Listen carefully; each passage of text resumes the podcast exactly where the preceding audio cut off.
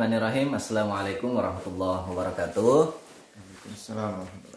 Alhamdulillahirobbilalamin. Eh, teman-teman, kali ini di video saya kedatangan orang baru karena memang sebetulnya eh, sebetulnya kita sekampung ya dari Sulawesi Selatan. Ya betul. Berarti Anda ini orang kedua dari Dari Indonesia, dari Indonesia Timur yang kuliah di Hamad bin Yang Khalifah. tersesat. Di jalan yang benar insya Allah. Ya, eh, terus eh, hari ini saya maksa Henry karena dia sangat sibuk. saya maksa Henry buat eh, bikin video karena ini bertepatan dengan Hari Kartini 21 April dan dia juga mengambil konsentrasi di sini eh, apa feminisme Islam. Sehingga kita akan ngobrol-ngobrol sedikit nanti tentang itu.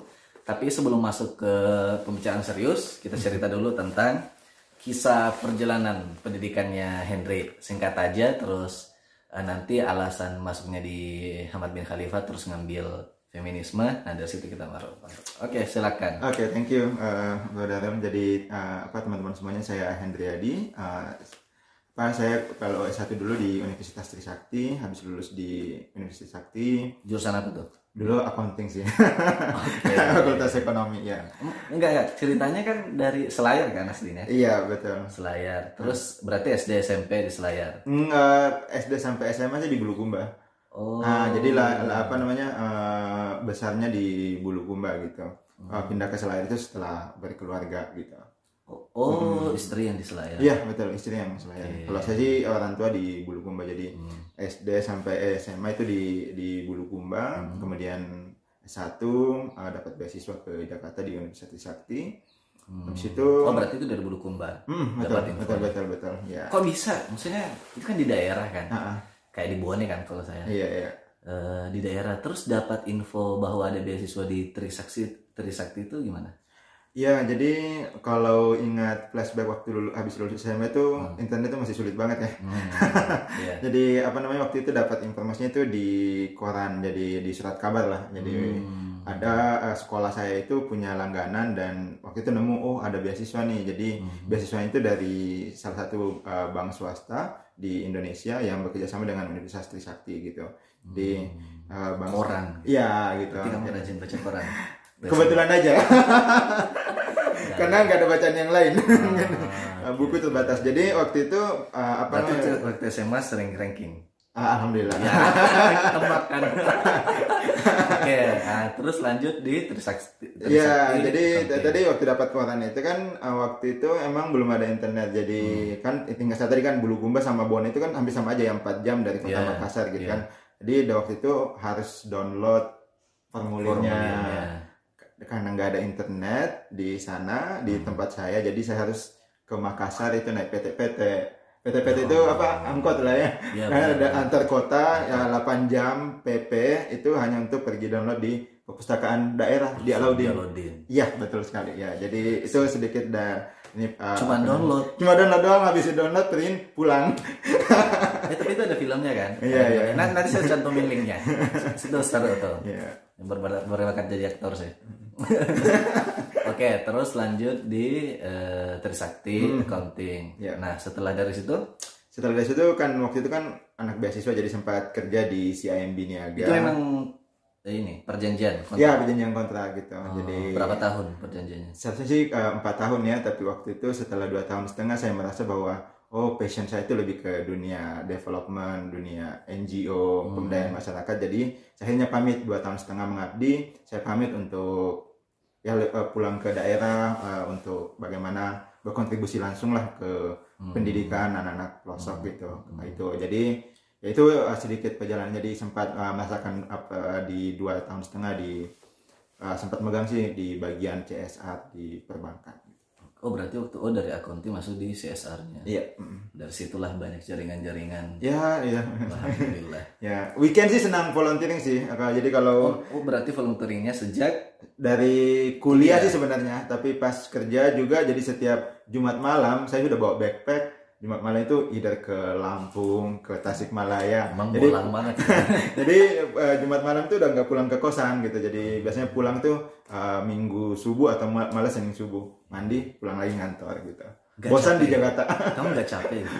saya kuliah kan weekend kan biasanya orang mager gitu Iya. tidur kalau saya mager jadinya capek justru ini kesenangannya kalau Iya. berinteraksi Iya iya betul betul. Membantu Energinya di situ ya. Hmm, oke berarti setelah kuliah 2 tahun di bank setelah itu Eh, waktu itu eh, saya sempat apa namanya dapat eh, jadi saya resign waktu itu juga karena kebetulan dapat eh, pelatihan ke Amerika waktu itu. Jadi ada eh, pelatihan kewirausahaan sosial eh, dari eh, kedutaan Amerika kerjasama dengan salah satu NGO di Amerika. Jadi itu juga salah satu alasan untuk itu resign karena pengen ikut pelatihan itu juga untuk eh, menambah pengalaman di situ dan itu jadi waktu itu freelancer sih di NGO jadi habis dari situ saya kerja di NGO Kanada eh, habis itu berapa lama itu di Amerika?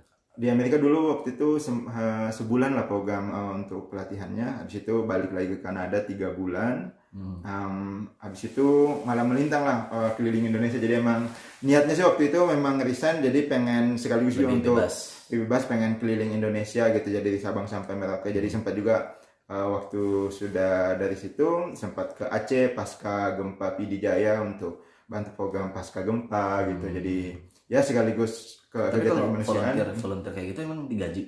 Ya jadi uh, tergantung. Jadi ada ada beberapa jenis volunteer itu yang kalau yang weekend saya lakukan itu memang uh, saya pakai biaya sendiri. Tapi ada beberapa memang uh, kalau dengan NGO itu ada namanya paid uh, volunteer. Jadi biasanya sih bukan namanya gaji tapi semacam uh, stipend. Tapi ya lumayan lah untuk bisa bertahan hidup. Karena kan banyak ya. Mm. biasanya tuh udah fresh graduate tuh kerjaannya volunteer volunteer Iya. ya kan masa-masanya kan. Iya. volunteer volunteer dan seterusnya. Berarti tapi kalau kayak ikut kegiatan seperti itu volunteer kayak gitu itu ada kayak misalnya yang keluar negeri itu mensyaratkan bahasa juga Jadi kalau untuk official tes kayak IELTS tulis sih enggak enggak sih ya. Jadi tapi biasanya lebih di tesnya pada saat uh, interview kemudian uh, lebih ke motivational statementnya gitu. oh tapi tetap nulis ini Ya biasanya statement nulis personal gitu. statement ya gitu. Pasti itu standar lah ya misalnya kenapa pengen ikut Ya, dan sebagainya ya, ya. gitu. Mm. Hmm.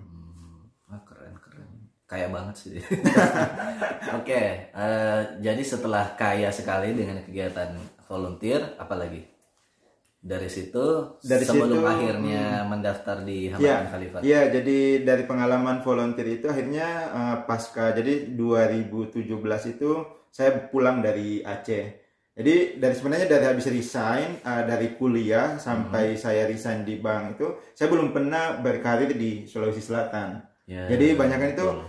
di Aceh, pokoknya di di di Jawa dan sebagainya gitu. Jadi pada saat waktu itu saya habis kontrak di di Aceh. Waktu itu ada uh, lowongan untuk menjadi relawan di PBB atau United Nations Volunteer. Ya. Tepatnya di Makassar. Ya. Nah, saya coba-coba nih pengen gimana sih tinggal di Makassar. Jadi terus terang saya orang Sulawesi Selatan, nggak pernah tinggal di Makassar. Oke, Jadi kan dari Bulukumba ke Nah, airport ya. langsung gitu kan. Jadi nggak pernah tahu kota Makassar itu seperti apa. Jadi saya ingat betul tuh ke Makassar itu hanya waktu itu hanya pergi lomba, habis itu ke mall, habis itu pulang lagi. Jadi kayak tidak pernah tahu bagaimana situasi Hidup di hidup di Makassar Makassar, realnya gitu ya. Jadi Oke. pas ada lowongan, oh ada nih peluang relawan selama setahun uh, di PBB untuk waktu itu uh, untuk menangani kegiatan program pencegahan bullying di Sulawesi Selatan. Ah, menarik juga nih.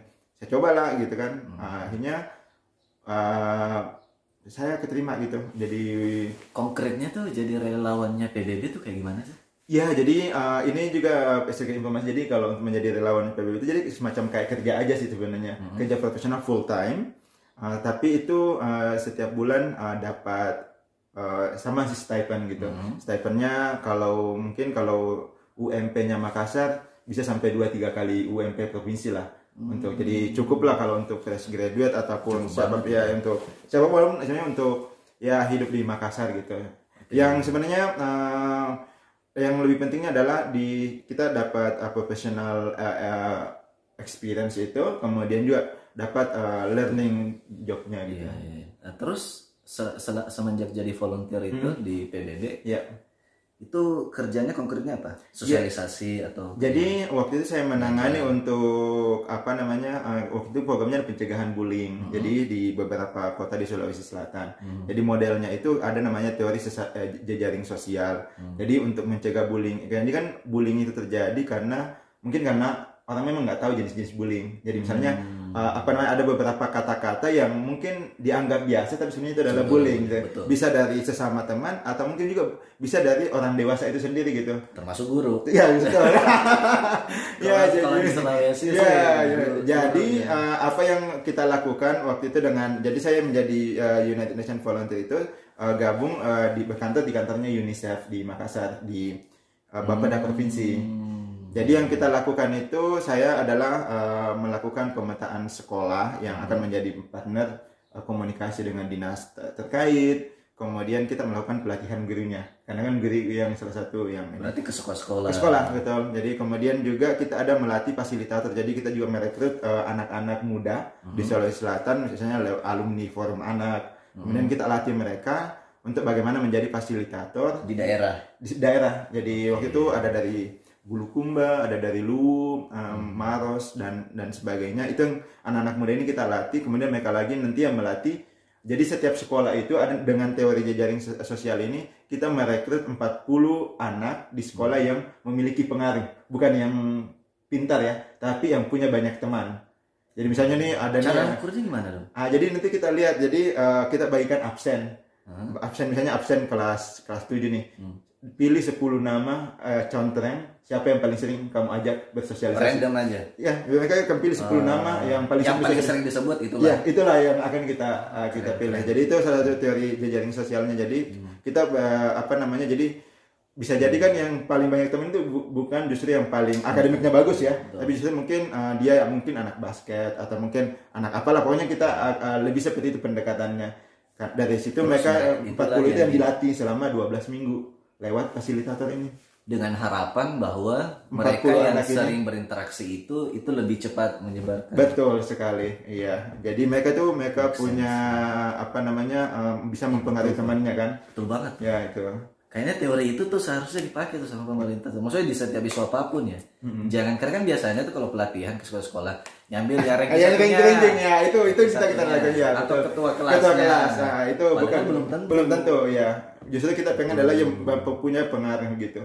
Biasanya yang justru akademiknya mungkin biasa-biasa aja tapi Hmm. punya uh, social relationnya bagus gitu. Jadi itu yang kita coba uh, gunakan pendekatan itu. Keren, keren. Nah, terus setelah itu Ah setelah itu itu kan 2018 ya pas dua akhir uh, selesai kan awal 2019.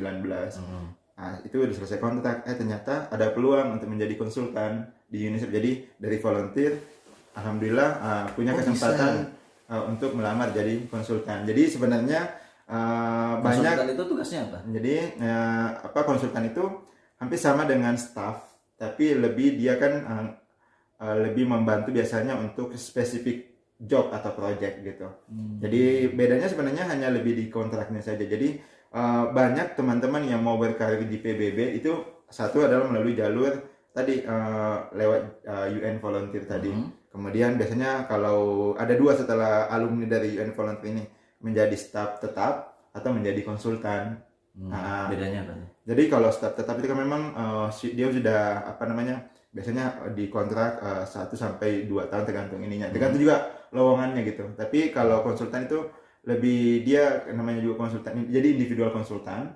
Jadi kita tidak bukan menjadi pegawai sih sebenarnya tapi adalah menjadi mitra gitu secara individual gitu. Jadi dia menggunakan spesifik skillnya kita untuk membantu proyek-proyek yang ada di Berarti itu ini ya lebih independen. Kontrak ya, kontrak independen gitu ya. Berarti Jadi nggak harus ke kantor tiap hari. Enggak, enggak. Jadi kalau kebetulan saya penempat karena waktu itu alhamdulillah saya diterima untuk konsultan untuk waktu itu pencegahan perkawinan anak ya. Jadi saya Itu malah ini, kita mendaftar apa Mendaftar. di- ditunjuk sama mendaftar, mendaftar. Jadi tetap jadi juga. semua semua jadi kembali ke Iya. ke proses eh, seleksi awal. awal, iya. Mm. Jadi tetap kita apply di apa namanya di websitenya dan sebagainya Hmm. Oke, gitu. setelah itu Mm, saya placement di setelah Bone. jadi oh dari situ. Dari situ ya saya konsultan, saya waktu memang penempatan di Bone karena memang untuk membantu pemerintah Bone waktu itu dengan NGO eh, mitra daripada Hmm. UNICEF ini. Jadi eh, apa namanya untuk di Bone jadi ya sempatlah tinggal hampir dua tahun di Bone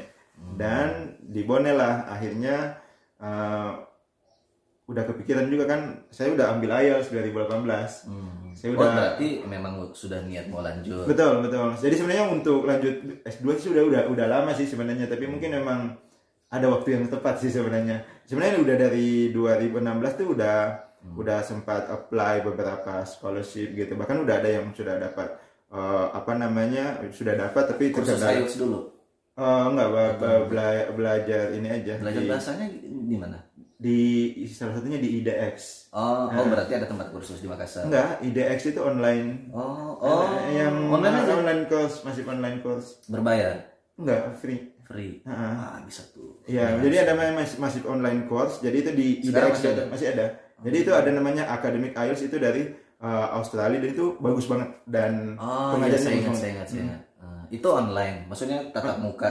Online jadi ada ada assignmentnya juga gitu. berarti kita tatap muka sama guru? Enggak sih, dia ada beberapa udah udah record sih. oh, oke. Hmm, Tapi uh, kita ada memang ada kayak bisa komen dengan antar partisipan, Hmm. ada engagementnya nanti setelah dari situ Hmm, berarti ambil. di ada ini ada sertifikatnya Uh, kita bisa bisa ngambil sertifikat, bisa Tapi enggak bayar. ya kalau ngambil sertifikat itu bayar kan lima empat puluh sembilan dolar. Tapi kan nggak penting, nggak nggak yang penting kita udah Iya dapat ilmunya kan, ya yang paling penting juga. betul. Jadi, bagusnya itu di situ karena memang yang di IDX itu yang di uh, dari Australia itu memang rata-rata tutor-tutor IELTS yang sudah berpengalaman gitu. Jadi enak cara ngejelasinnya. Jadi waktu setelah saya itu tahun berapa saya ambil tes IELTS setelah itu 2018. Jadi sambil waktu itu sambil saya kerja waktu di ya, UN Volunteer, Iya. udah saya nyiapin deh IELTS. Karena itu pelajaran bagi saya sih. Saya waktu itu kan 2016 sempat dapat chevening. Hmm. Nah, chevening udah udah keterima, udah udah interview, udah lolos. Nah. Tapi waktu itu in the end IELTS saya itu mentok di 6. Dan waktu itu saya sudah di Aceh, saya udah mau retake IELTS lagi.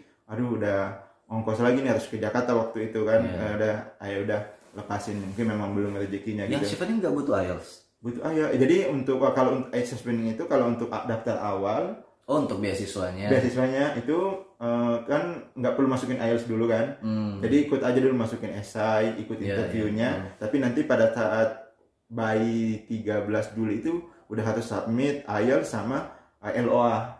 Hmm. Hmm, jadi eh, dari harus- kampus dari kampus. Ah, Nah, LOA apa LOA saya udah dapat eh, karena eh, ada kampus eh, 6,0 masih terima gitu kan kampus yang ini. Tapi UK ya ya tapi persyaratan dari cheveningnya waktu itu 6,5. Saya udah Hmm. waktu itu aduh udah ya memang mungkin belum rezekinya gitu ya. mepet Jadi juga mepet kali. juga dan saya udah di Aceh gitu kan. Jadi mungkin jadi itu pengalaman. itu 2016. 2016 Hmm. Oh, Jadi waktu itu jadi pengalaman oh, uh, waktu pas uh, tiba di Makassar harus Ya. ada IELTS nih ada IELTS nih. Jadi udah nyiapin IELTS jadi sambil kerja udah uh, pokoknya saya pu- punya mimpi waktu itu sebelum IELTS-nya expired tapi udah harus ngambil tapi ini. memang sudah ada keinginan kalau S2 nya harus di luar negeri Oh iya, ha, betul betul.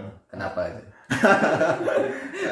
Enggak, karena karena mungkin jiwa bolang aja sih sebenarnya. Oh, oke. Enggak, enggak, enggak, enggak, enggak. Ya karena menurut saya sih gini, uh, S2 itu kan apa masalah standar pendidikan Bukan, uh, kalau saya sih lebih kita kan sebagai ini lebih network sih kalau saya sih sebenarnya Oke. jejaringnya gitu yang ini perluas lagi perluas jejaringnya gitu. Karena menurut saya sih gini, banyak sekarang kalau dengan internet kan kalau keilmuannya sendiri kan kita bisa sebetulnya bisa bisa bisa, bisa gitu. di mana pun kita kan Ya, tapi kan yang yang nggak kita ini adalah bagaimana menambah jejaring internasional itu gitu kan. Apalagi kan uh, ini sangat-sangat bagi saya sangat penting gitu.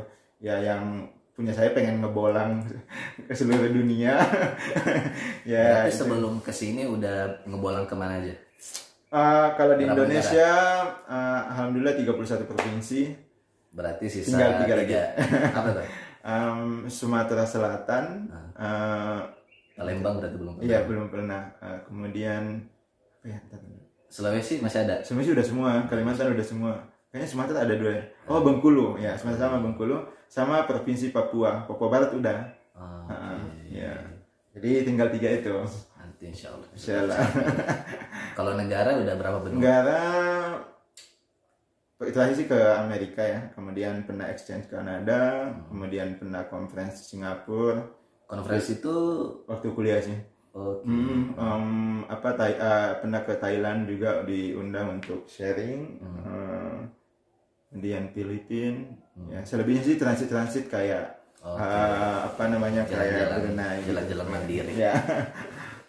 nah berarti terus kenapa bisa dapat info Hamad bin Khalifa? Ah, itu yang menarik nih. ya, jadi uh, di apa saya bersyukur banget pindah ke Bone juga waktu itu jadi apa uh, sangat luar biasa ya dari PBB tugas PBB dan kemudian dapat ke- keluarga yang baru di sana dan ya maksudnya sih Bone ya rumah kedua lah untuk eh, saat ini karena Jadi totalnya di Bone udah berapa tahun? hampir dua tahun lah. Ya satu tahun. sembilan bulan apa? Delapan bulan? Ya penting. Ya jadi di situ eh, apa anak saya juga lahir di sana. Jadi ya jadi waktu itu kita tuh kayak punya peta gitu di kayak peta kayak gini sih tapi di rumah, tapi waktu itu peta eh, waktu itu waktu eh, ini istri kan apa namanya arisan buku 25 nabi kan Iya. ada hadiahnya itu eh, apa peta perjalanan nabi jadi waktu itu kita tempel di dinding seperti ini Di gitu kan rumah. di rumah jadi waktu eh, pas tuh apa namanya lagi covid juga kan jadi lebih banyak Berarti awal awal COVID. Ah, anak kan lahir eh, apa namanya eh, akhir 2019 ya kan. Habis itu kan eh, awal-awal Covid kan udah lebih banyak Iya. di rumah kan. Jadi kebetulan waktu anak saya itu 2 3 bulan itu dia suka banget lihat peta kan. Warnanya warna-warni kan gitu. Terus Jadi jadi di tembok, di tembok. ya di tembok itu mah di depan kamar gitu kan. Ya lebih dia suka senang banget karena mungkin warna-warni ya jadi di situ kan ada oh ini waktu dulu nabi apa namanya nabi-nabi itu dari, dari sini dari sini gitu kan. Jadi peta apa uh, lebih Timur Tengah. timur tengah gitu kan. Ah, jadi ah, tadi kayak itu udah sudah jadi kayak eh, terjadi percakapan satu arah sih sebenarnya oh saya bilang sama Husaifah ah, anak saya itu kan ah, nanti kita jalan-jalan ke negara ah, ini ya timur tengah ya. Jadi itu kayak ah, ini aja belum waktu itu belum kepikiran ke Qatar gitu belum eh, kepikiran sama sekali gitu. Ah, sampai satu momen eh, waktu itu saya udah lagi memang lagi nyiapin juga sebenarnya daftar beasiswa jadi waktu itu sudah daftar beasiswa Stunet Hmm, Ah, Belanda. kan Ah, pas lagi begadang kan biasanya gitu ah, istri pas lagi kecilnya Husaifah itu Anak istri pertama itu. anak pertama. Ah, istri biasanya ah, apa bangun sampai mungkin dia apa tidur jam 10 jam 10 ke atas itu saya yang jaga sampai biasa kan jam 3 nah dari situ kan udah kerjaan kantor udah nggak ada. Habis itu ini scrolling scrolling ini kan eh, apa di Google beasiswa gitu kan. Kayaknya eh, pas masuk ada satu eh, link kumpulan beasiswa gitu. Iya, ini ada betul. Hamad bin Khalifa University eh, apa full scholarship ke ke Qatar gitu kan. Kemudian ada juga itu dapat juga yang Doha Institute ya. Nah, itu dapat dua-duanya tuh. Nah, ah, situ ah, kayaknya menarik juga nih eh, Timur Tengah. Jadi kayak langsung nah, tadi- tadi lagi kayak gimana ya Timur Tengah kan karena selama ini kan lihat Timur Tengah oh paling Mesir dan sebagainya tapi ngelihat Saudi. Saudi gitu kan ah, ah, saya saya nggak nggak kuat ya bukan apa eh, biasanya kan yang ke sana tuh ya belajar Islam. Islam Islam, gitu kan pas nemu itu lihat jurusannya juga wah ada nih yang humanity apa humanity social science kan. Jadi saya tuh waktu itu memang lagi kan di Belanda saya udah apply juga lebih ke public policy ya social policy lah. Kemudian memang lagi eh, nyarinya yang tematik tematiknya itu eh, pemberdayaan perempuan ataupun anak muda. Jadi seperti ya itu. Jadi pas lihat ih ada nih yang uh, women society and development. Nah, pas kan lagi ngerjain yang kerjaan saya kan pas lagi pas sekali kan uh, isu uh, apa pencegahan perkawinan anak untuk atau kekerasan pada uh, anak perempuan gitu kan. Ya udah saya coba-coba aja. Saya coba data dua-duanya sih saya, saya lupa juga di doa institut. itu. Di institut tapi doa institut udah apa namanya, saya di sih. saya di reject sih. Jadi- emang langsung pas lihat berarti buka websitenya terus lihat jurusannya apa yang ditawarkan Hmm, betul. ketemulah Betul. eh, gender studies apa sih Ya, woman, resmi? society and development. woman society and Development, ya. berarti anak masuk di situ Ya jadi ya woman itu masuk girls kan gitu kan ya. Hmm. Jadi eh, frame-nya kan di di situ gitu. Karena kan lebih ke juga lebih karena developmentnya. Jadi saya lihat eh, di websitenya masuk ke admission, lihat eh, sedikit informasinya. Nah, masuk eh, buka. Yang menarik saya juga adalah di ceremonial code-nya, uh keren banget. yang sayangnya tahun ini tidak ada pemirsa. Iya. tahun ini nggak ada. Jadi pas dapat Ahmad bin Khalifa itu saya benar waktu itu belum nggak juga kan? belum belum nggak juga dengan dengan kata foundation ada itu saya belum belum belum nggak gitu.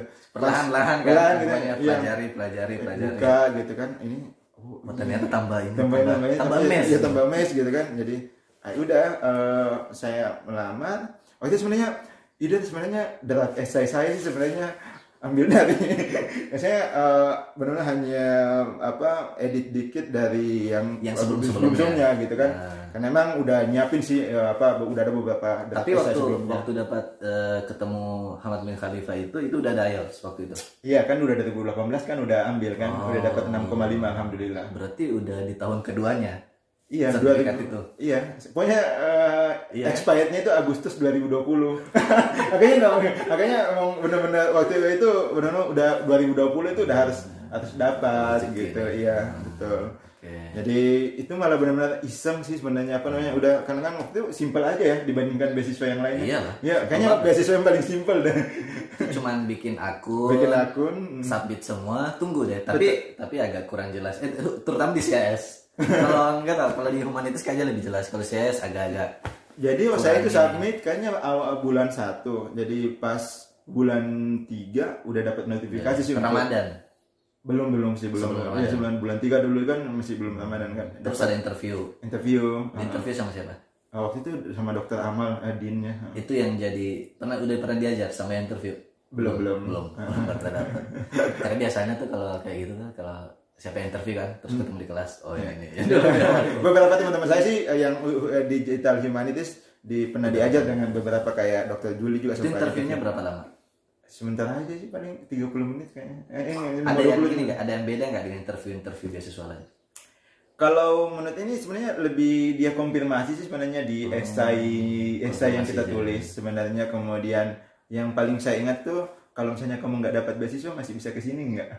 Ya, terus saya bilang sih ya enggak lah karena apa namanya? ya, saya nggak saya ya jujur aja kan. kalau saya kayak gitu. Kan setelah lulus kan ada biaya berapa ya berapa rial gitu. Eh, terus suruh mungkin kayak ini ya biaya pendaftaran awal gitu. Bahwa kita betul-betul mau ngambil kan. Eh. saya tuh nggak nggak bayar. Karena saya balas saja saya saya bilang saya nggak bayar karena saya nggak punya duit. saya nggak bisa ada duit saya udah kasihan nih anak-anak. sebetulnya udah fifty fifty kan. Waduh jangan saya ditolak gitu tapi nggak usah lah ini aja tawakal aja kan kalau emang Allah menakdirkan pasti lolos. Nah, akhir- akhirnya ketemu eh, lolos. Ini semuanya kan lewat email kan? Semua Iya, semua ada ada email. dan seterusnya. Betul betul. Hmm, Oke. Terus eh, komunikasi ke mahasiswa pertama di sini ke saya apa? Eh, ini nih nih. nih.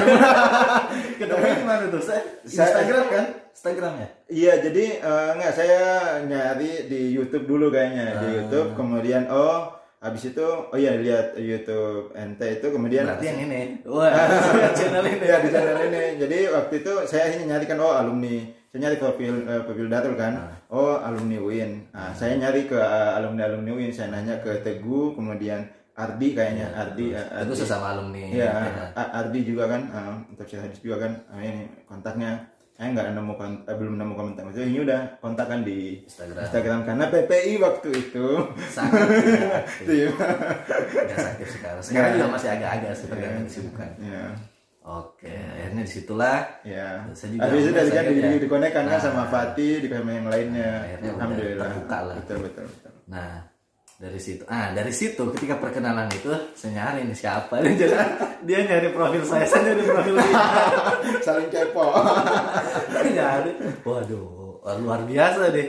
Saya langsung mes kerja ternyata pernah diundang di Candy, di Candy dong, tahu nggak? Di Candy itu pokoknya podium impian semua anak-anak volunteer kita apalagi fresh graduate kan teman-teman aktivis dan seterusnya. Itu udah kayak wah cita-cita banget lah. Oke, apalagi Dinesh, anak Panvita ID. nah, nah, sekarang sebelum masuk ke feminisme cerita dulu. Kenapa bisa gimana ceritanya bisa sampai diundang di Kikendi Um, well kak, jadi kalau waktu itu waktu saya semenjak kuliah sebenarnya saya itu penonton setia. eh, ini karena Oh mahasiswa ya. itu mahasiswa jadi tontonan idealisme gitu iya. kan. Jadi tiap minggu, jadi kebetulan saya juga dulu aktif kan di uh, himpunan, uh, berarti di sama BEM. Trisakti Hmm, karena kebetulan dekat banget kan, studio itu kan dari kampus kan. berarti sering nonton Sering nonton eh, supaya dapat makan gratis, dapat buku. gratis. Iya benar. Buku, Tapi tiap minggu saya nonton. Uh, jadi buku saya alhamdulillah itu banyak dari Kick Andy. Jadi dulu karena ya, tau lah kan mahasiswa itu kan suka yang gratisan. Iyalah, Jadi saya tuh program TV ikut semua. eh, Metro, eh, Najwa belum dulu belum belum. Najwa itu belum. Jadi paling dulu itu eh, Metro, kemudian ada debat yang TV One, eh, apalagi pokoknya ya pokoknya ada debat pokoknya Ya, apa pun yang mahasiswa suka diundang lah jadi tim hore lah gitu kan. Ah, jadi kebetulan Kick Andy tuh karena dekat saya kan kampus di Jakarta Barat dan ah, studionya juga Metro TV kan di situ. Jadi ya lumayan lah dapat ah, buku makan gratis gitu Oke. kan ya. Jadi dari situ oh, sudah ini tapi waktu itu sebenarnya ah, kebetulan ke Kick Andy itu jadi waktu 2015 saya pernah ikut lomba nulis. Jadi lomba nulis tentang pembelajaran ah, relawan dan pembelajaran digital. Itu yang Itu yang ada itu uh, Intel Indonesia dengan Telkom. itu dapat info dari kampus. Oh, itu dari internet sih, uh, dari internet uh, apa namanya atau dari teman lah gitu kan. Uh, itu ikut uh, apa namanya menuliskan pengalaman uh, mengajar uh, anak-anak di pelosok dengan dan memperkenalkan digital. Jadi lebih kayak nulis esai gitu. Hmm. Saya submit uh, dan waktu itu saya masuk finalis diundang ke Bandung untuk presentasi kan uh, apa esai Topik, itu topiknya tentang Uh, digital literasi. itu 2000 2015. Wih, sudah berarti digital literasi tema yang udah lama ya. Hmm, betul betul betul ya. Jadi 2015 itu diundang ke Bandung. Ah, salah satu jurinya waktu itu adalah ah, produser ah, di Kick Andy. Ah, habis itu kita kita in touch gitu kan setelah itu. Tiga. Nah, sekarang kita lanjut nih. Hmm. Cerita di Kick Andy. Oh ya, jadi kalau yang tadi kan saya ceritain bahwa ketemu produser itu kan. Nah, Jadi di tahun berikutnya dihubungi. di, di- ya ketemu di ketemu di studio lagi jadi waktu itu pas 2016 Datang lagi. lagi saya lagi ke Jakarta Hmm. karena kangen aja pengen nonton lagi jadi mampir ternyata ketemu uh, produsernya itu Nah, di ini diskusi lah ngobrol lah habis itu beberapa bulan kemudian dikontak sama timnya Hmm. oh kalau mereka mau ke Selayar gitu kan untuk ngelihat Berarti yang yang yang produsernya tahu tentang profilnya Henry Hmm.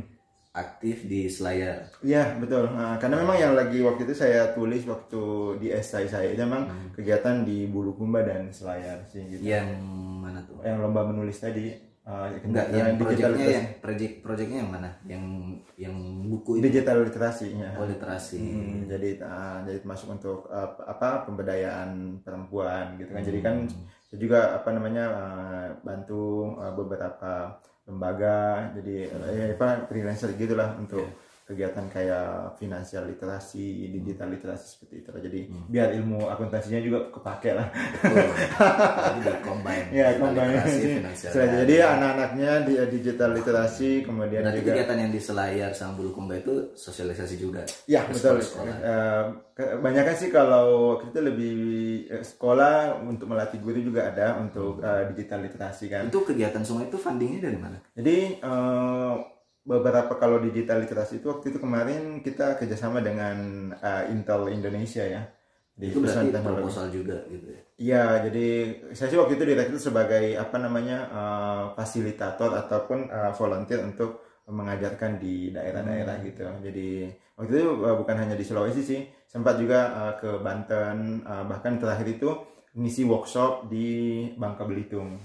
Eh, Oke. di negeri Laskar jadi gitu. itulah kegiatan yang di Selayar Bulukumba itulah yang ditulis, diesai, ya. kemudian diundang. Betul. Jadi mereka akhirnya datang kan riset kan ke Oh, datang Bulukumba. dulu. Iya, datang Jadi dulu. ditelepon sama produsernya. Hmm, di, apa diminta masukin beberapa Itu udah tulisan langsung- gitu kan gitu. Oh, udah langsung ditanya bahwa Iya. mau diundang di Kick Andy atau mereka nggak bilang dulu? Uh, bahwa mau j- diundang? jadi mereka sih bilang sih mau diundang tapi uh, apa ada beberapa dokumen yang diminta gitu Hmm. untuk jadi dengan tim risetnya gitu kan itu data langsung. ya habis itu datang timnya untuk ke Video. Bulukumba ya ada apa apa tim Yang video video yang ditampilkan itu kan? ya betul betul itu. betul betul betul jadi jadi sem- jadi sembari riset sebagai ini apa ambil uh, footage footage gambar lah. Oke, betul. gitu jadi itu sih Itu berapa lama tuh?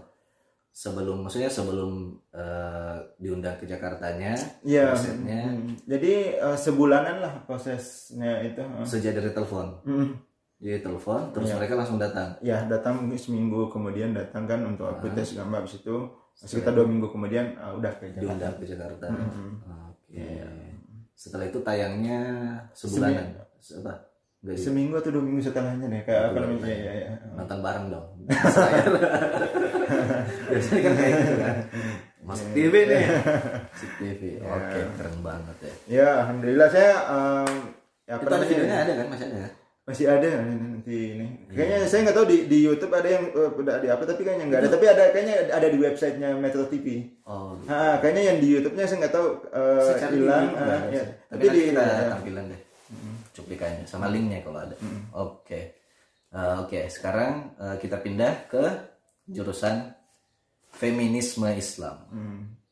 Itu sih ini ya untuk mengeneralkan aja karena nama jurusannya tadi Woman Woman Society. Society and, And Development, ya. Woman Society and Development. Oke. Ya. Oke. Apa tuh seperti apa tuh jurusan itu? Iya, jadi kalau apa namanya kalau mungkin di kampus-kampus lain itu mungkin nama program itu uh, Woman uh, dan Gender, Gender Studies ya. Jadi intinya perempuan dan uh, gender ya kalau belajar tentang. Tapi kalau di Hamad bin Khalifa ini uh, uniknya karena uh, dia memang segmennya adalah uh, perempuan, kemudian masyarakat dan pemberdayaan. Jadi tiga komponen ini yang membuat dia lebih uh, luas lagi. Jadi karena juga settingnya ini karena kan di Timur Tengah ya. Jadi uh, mungkin yang tadi uh, apalagi uh, feminisme yang mungkin salah satu yang kita itu adalah bagian yang kita pelajari Jadi sebenarnya. itu cuma bagian. Ya bagian yang dan sebenarnya eh kalau kembali lagi kan kalau mungkin sedikit meluruskan juga mungkin mendengar kata feminisme itu udah apa gitu kayak berat gitu kan ya, tapi pasti ya ya ya gitu. Jadi eh, itu bukan apa namanya jadi kalau dari sih eh, kalau di yang kita pelajari yang saya pelajari saat ini ya feminisme itu kan adalah satu paham yang bahwa eh, secara ekonomi, sosial, politikal eh, itu semuanya sama eh, tidak ap- apa pun jenis kelaminnya gitu kan. Jadi sebenarnya adalah eh, tidak ada Lebih superiority gitu ya. Peran perempuannya. Ya betul. Jadi uh, peran bahwa laki-laki dan uh, perempuan uh, dalam dalam konteks sosial budaya pendidikan dan sebagainya seharusnya uh, sama gitu. Jadi misalnya kalau kita bicara masalah pendidikan, ya kalau laki-laki bisa yang sama. sekolah, ya itu perempuan juga seharusnya bisa sekolah. Tapi gitu. tetap mengakui bahwa laki-laki dan perempuan itu ada perbedaan. Oh iya, pastinya, pastinya. Jadi yang kita lebih fokusnya adalah bahwa lebih eh, hak-hak dasar gitu kan yang yang kita. Jadi eh, ini juga yang harus kita luruskan ya bahwa ya memang kalau secara biologis pasti udah udah pasti berbeda gitu kan ya. Eh, apa namanya secara yang sudah tampak biologis udah pasti berbeda gitu. Namun yang kita tekankan yang kita pelajari ini adalah bagaimana eh, peran sosialnya atau gendernya gender roles-nya ya sebenarnya kan peran sosial gitu yang yang mungkin di sini juga masih banyak yang uh, bias gitu.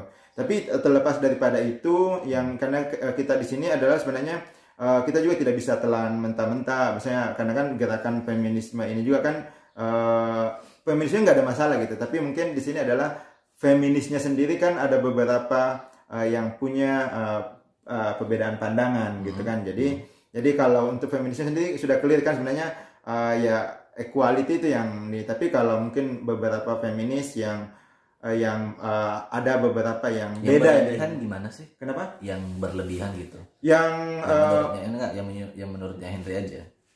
Yang, Yang- kayak- kayaknya ini kebablasan deh. Ada ada nggak ya? Iya ya mungkin kayak contoh gini ya, yang beberapa kan yang Tadi perbedaan pendapatnya kayak gimana tuh? Ya, Coba jadi uh, uh, apa namanya kan kalau yang sebenarnya kan yang di, di, di- dibicarakan di sini kan yang banyak diperdebatkan adalah mengenai hak-hak perempuan gitu kan. Kan kalau kembali lagi dalam sudut pandang Islam itu sendiri kan kalau yang kita pelajari bahwa uh, 14 abad yang lalu uh, itu kan sebenarnya uh, Nabi kita Muhammad SAW itu kan di khutbah terakhirnya kan sudah menyatakan bahwa tidak ada superiority antara Arab dengan Arab, Hmm, non Arab. dengan non Arab, ataupun sebaliknya eh, kulit putih dengan kulit hitam, laki-laki dan perempuan semuanya itu adalah tidak ada superiority di antara mereka. Jadi Hmm. pengakuan untuk eh, hak perempuan dan laki-laki itu sebenarnya sama gitu kan gitu. Tapi seiring berjalannya waktu di 14 abad ini kan kita punya banyak fase-fase yang yang dilewati yang merubah Oke. eh, peradaban ini kan ada fase kolonialisasi, kemudian kalau kita lihat juga sendiri gerakan awal uh, feminisme misalnya uh, itu kan lahir misalnya dari Amerika, Eropa yang memang mungkin banyak term uh, ataupun feminis ini baru mulai muncul itu di abad 20 sebenarnya di akhir abad 20 gitu kan. Ah, gitu. Itu berarti jauh banget. Iya jauh banget. Jadi ada perbedaan yang jauh dari abad ke-7 dengan abad ke ke-20 gitu. Eh, yang saya tahu tuh ini di kampus itu eh, ada nggak mata kuliah khusus bahwa feminisme dalam perspektif Islam misalnya ada nggak? Atau misalnya bagaimana Hamad bin Khalifah menjelaskan antara dua ini? Iya iya. Feminisme yang berkembang di Barat dengan nilai-nilai yang sudah diaplikasikan oleh Islam berabad-abad yang lalu. Ya, jadi eh, kalau untuk di dua semester ini sebenarnya saya belum eh, menjurus ke feminisme Islam, tapi yang kita baru me- mempelajari itu adalah feminisme yang apa misalnya gerakan-gerakan feminisme. Tapi kayaknya itu masuk akan masuk nanti di elektif di mata kuliah elektif yang akan spesifik ya. Ya. Tapi di- kalau saya sih mengikuti beberapa misalnya eh, salah satu fe- eh, Islamic feminis yang terkenal lah di di Qatar yang sendiri misalnya eh, Dr. Amal Al Malki kan beliau juga kemarin sempat juga memberikan eh, talks di Al Yang dekan, Jazeera yang dekan, dekan kita eh, dinnya kita jadi dekannya humanities. ya humanities and social science gitu jadi eh, dia juga me- melihatnya bahwa sebenarnya yang kita di Hamad bin Khalid itu adalah kita me- mempelajari semuanya. Kemudian eh, kita eh, melihat apa sisi-sisi yang eh, eh, yang dari Islam yang sudah di- diwariskan gitu. Jadi sebenarnya kita sebenarnya semua hak-hak perempuan kan sudah diakui di abad ke-7 Oke. Ya, jadi tujuan kita di sini adalah pengen mengajak perempuan itu untuk menemukan kembali hak-hak yang mungkin seiring berjalannya waktu itu terkubur kembali. ter- terkubur gitu kan. Ya. oke. Contoh lah misalnya yang paling sederhana mengenai masalah hak perempuan untuk eh, mengajukan eh, cerai. Ya. Itu kan di beberapa negara yang mayoritas Islam itu hak perempuan nggak ada. Tidak seperti itu. Tapi kalau kita kembali ke eh, di, di zaman Nabi kan waktu itu ada perempuan kan yang waktu itu kan menghadap sama Nabi kan untuk eh, saya mau apa Mentalak. mentalak ke suami saya karena dia apa ugly dan sebagainya. Tapi dan itu itu dibolehkan kan. Nah, tapi kan itu hal-hal yang seperti itu sebenarnya yang pengen Aplikasinya. aplikasinya gitu. Karena itu kan mempengaruhi kan. Jadi eh, inilah sebenarnya interpretasi-interpretasi yang banyak hak perempuan yang by default sebenarnya sudah diakui tapi kan Prakteknya ya enggak. prakteknya enggak karena mungkin ya tadi kadang-kadang kan budaya Hmm. uh, termasuk uh, patriarki atau budaya laki-laki yang kadang lebih dominan sehingga kan mereka yang menginterpretasikan Hmm. hukum uh, mereka yang lebih banyak karena kan keman- kenapa juga? Misalnya uh, kalau mungkin dulu uh, kita punya Aisyah, Ummu Salamah dan sebagainya yang Ya. aktif. Tapi sekarang kan uh, peradaban kan akhirnya banyak kaum perempuan yang tidak bersekolah dan sebagainya sehingga dominasi kembali gitu ya. Tapi itu yang menurut saya, terutama di Indonesia saya, itu kok sepertinya teman-teman itu terutama yang generasi muda itu, yang muda-muda muslimah itu, kok cenderung membenarkan apa ya? Karena kan maksudnya penceramah kan ada dua kan, Iya, iya, kalau iya. kita mau bilang ada Iya, iya. yang pro dengan mendukung kesetaraan itu, ada Iya, yang ada yang tidak. Kayak seperti misalnya poligami gitu. Itu sepertinya ada kecenderungan bahwa mereka bangga tuh untuk dipoligami, Iya. untuk menikah muda dan seterusnya. Gitu kan? Itu kan di satu sisi kok zaman semakin gini, di satu sisi kita ingin uh, Iya. mengangkat kembali kesetaraan itu, tapi di sisi lain kok sepertinya masyarakat itu ada yang mendorong apa patriarki itu. Hmm. Gitu kan? Ya, betul. Jadi sebenarnya yang sebenarnya kalau kita yang di di Hamad bin Khalifah ini sebenarnya kan menemukan apa sih sebenarnya betul-betul hak perempuan gitu lah. Ah, dan ah, ya tadi yang sesuai dengan ah, apa law Islamic laws gitu sebenarnya kan gitu kan ya. Jangan ah, go beyond daripada itu. Contoh misalnya yang yang banyak kontroversi itu masalah surrogate mother. Apa tuh? Surrogate mother itu jadi misalnya gini, ada perempuan yang tidak bisa uh, melahirkan gitu. Jadi misalnya apa uh, spermanya tidak bisa dibuahi di Oh. di di dalam uh, apa namanya uh, Ah, ah. indung Sewa rahim. Iya, sewa rahim. Sewa rahim. Ya, sewa rahim kan di Nggak boleh. boleh kan? Ya, Iya. tapi kan ada beberapa uh, feminis itu mendukung itu boleh-boleh saja gitu. Ah, hal-hal yang seperti itu ya kan kita sudah itu kan itu itu kita uh, tidak tidak uh, terima kalau kalau ini kayak gitu kan. Karena kan itu sebenarnya uh, tidak apa namanya udah melewati sebenarnya apa yang menjadi. Karena kan gini ada beberapa feminis memperkenalkan eh, hak-hak perempuan yang baru yang kadang-kadang kalau kita kembali ke Islam itu sini itu tidak tidak sesuai gitu lah. Nah gitu. Tapi, eh, itu tadi itu makanya itu sebenarnya kita eh, posisi kita di sini itu di Hamad bin Halif adalah menemukan kembali yang mana sih yang sesuai dengan Islam. ya itu yang dan yang mana sebenarnya hak-hak perempuan yang sudah diakui tapi terkubur gitu loh Oke. sehingga eh, gerakan-gerakan perempuan itu sebenarnya eh, mereka menemukan oh ini loh hak kita dan eh, kita memperjuangkannya kembali gitu loh itu Di, di kelas ada yang non muslim nggak? ada banyak Ya, ya, itu. Dosen-dosen kayaknya juga ada deh. Iya, Tapi mereka tetap ini kan, tetap tetap melihat Islamic law itu sebagai salah satu sumber normatif. Betul. Jadi karena kita belajarnya itu kan sudut pandangnya kan sejarah ya uh, uh, seja- pendekatan seharusnya ada pendekatan sejarah ya. Jadi kan kita juga en- enak kan mengikutinya gitu. Misalnya contoh misalnya tadi pendekatan sejarah itu uh, yang tadi kita bilang uh, kalau sudut pandang apa namanya kesetaraan dari barat dengan yang kita di di Islam, di, di Islam itu agak beda sebenarnya konteksnya gitu loh. Karena kan memang eh, mereka sendiri itu contoh misalnya yang banyak di di eh, gerakan perempuan misalnya di Inggris. Inggris sendiri itu kan baru perempuan bisa melakukan vote itu di 19 Iya, 18 atau 20 sama dengan Amerika. Ah, gerakan itu ternyata akhirnya juga sama dilakukan di Egypt. Oh, Nah, jadi sebenarnya ini adalah eh, sa- saling sambut menyambut gitu loh. Jadi sehingga menimbul kalau menurut saya ini juga menimbulkan persepsi bahwa eh, Barat mempengaruhi eh, Egypt gitu loh untuk eh, memperjuangkan juga untuk hak vote-nya mereka. Padahal sebenarnya padahal udah ada. udah ada gitu loh ya. Dan sebenarnya banyak organisasi lokal perempuan yang juga sudah sudah terbentuk di sana gitu. Tapi karena pas momentumnya aja di 1920 itu juga beberapa negara-negara mayoritas Islam juga memperjuangkan hal itu gitu. Jadi sebenarnya di sini yang kalau makanya eh, itu yang coba kita telusuri lagi kembali gitu loh. Oke, oke. Terakhir nih, ini kan hari Kartini nih. Iya. Eh, merefleksikan semua itu jadi pengalamannya Henry selama ini kerja di lapangan terus harapannya ketika mau masuk di kampus dan setelah mendapatkan em, apa ilmu di di kampus walaupun ini udah semester kedua Iya.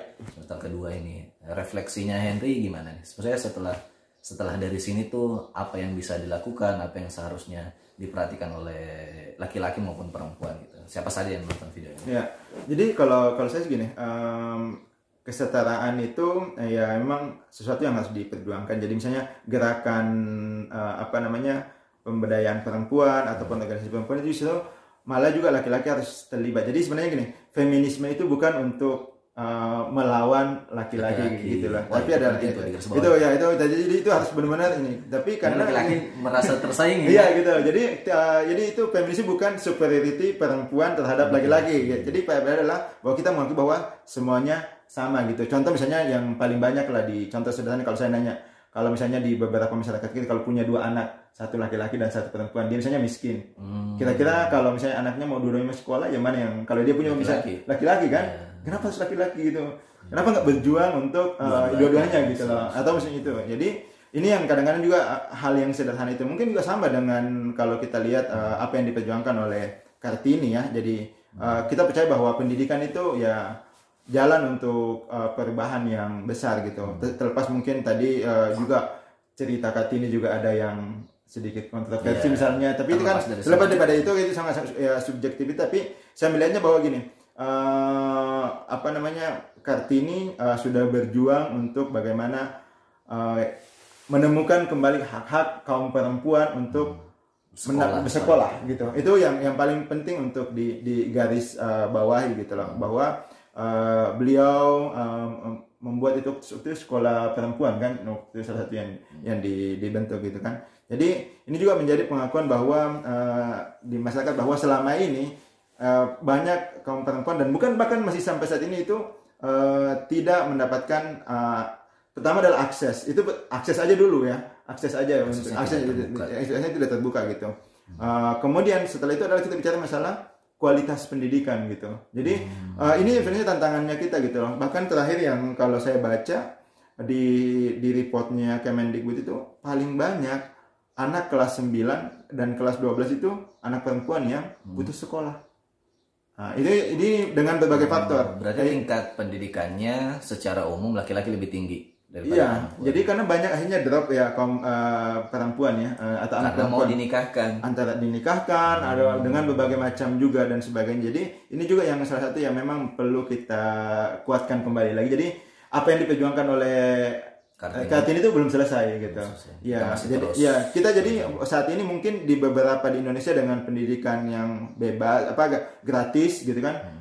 Mungkin lebih banyak anak perempuan yang bisa masuk ke sekolah. Tapi yang kita perhatikan adalah seberapa lama mereka tinggal di sekolah, bagaimana kualitas uh, pendidikan yang mereka misalnya dapatkan, misalnya memastikan mereka tidak uh, dinikahkan secara mudah, atau mungkin yang kedua adalah mereka bisa mendapatkan pengetahuan tentang kesehatan reproduksi sehingga tidak uh, misalnya hamil pada saat remaja. Ya. Kemudian yang tantangan selanjutnya adalah bagaimana mereka pengetahuan digital, uh, mereka juga bisa tidak uh, melakukan Mandiri secara ekonomi. secara ekonomi, kemudian tidak mendapatkan kekerasan secara digital dan sebagainya. Hal-hal itu yang memang perlu kita uh, perjuangkan gitu. Jadi perjuangan Kartini dia beliau sudah memulai dan saatnya adalah kita memastikan bahwa pendidikan uh, perempuan, anak perempuan diberikan akses seluas-luasnya dan kualitas pendidikan yang sebanyak-banyaknya. Saat sama ini- dengan laki-laki. Iya, betul, Kualitasnya gitu. harus sama. betul betul laki-laki pendidikan. ya dan kualitasnya itu pun harus disesuaikan juga dengan kebutuhan perempuan gitu contoh misalnya contoh kecil ya di sekolah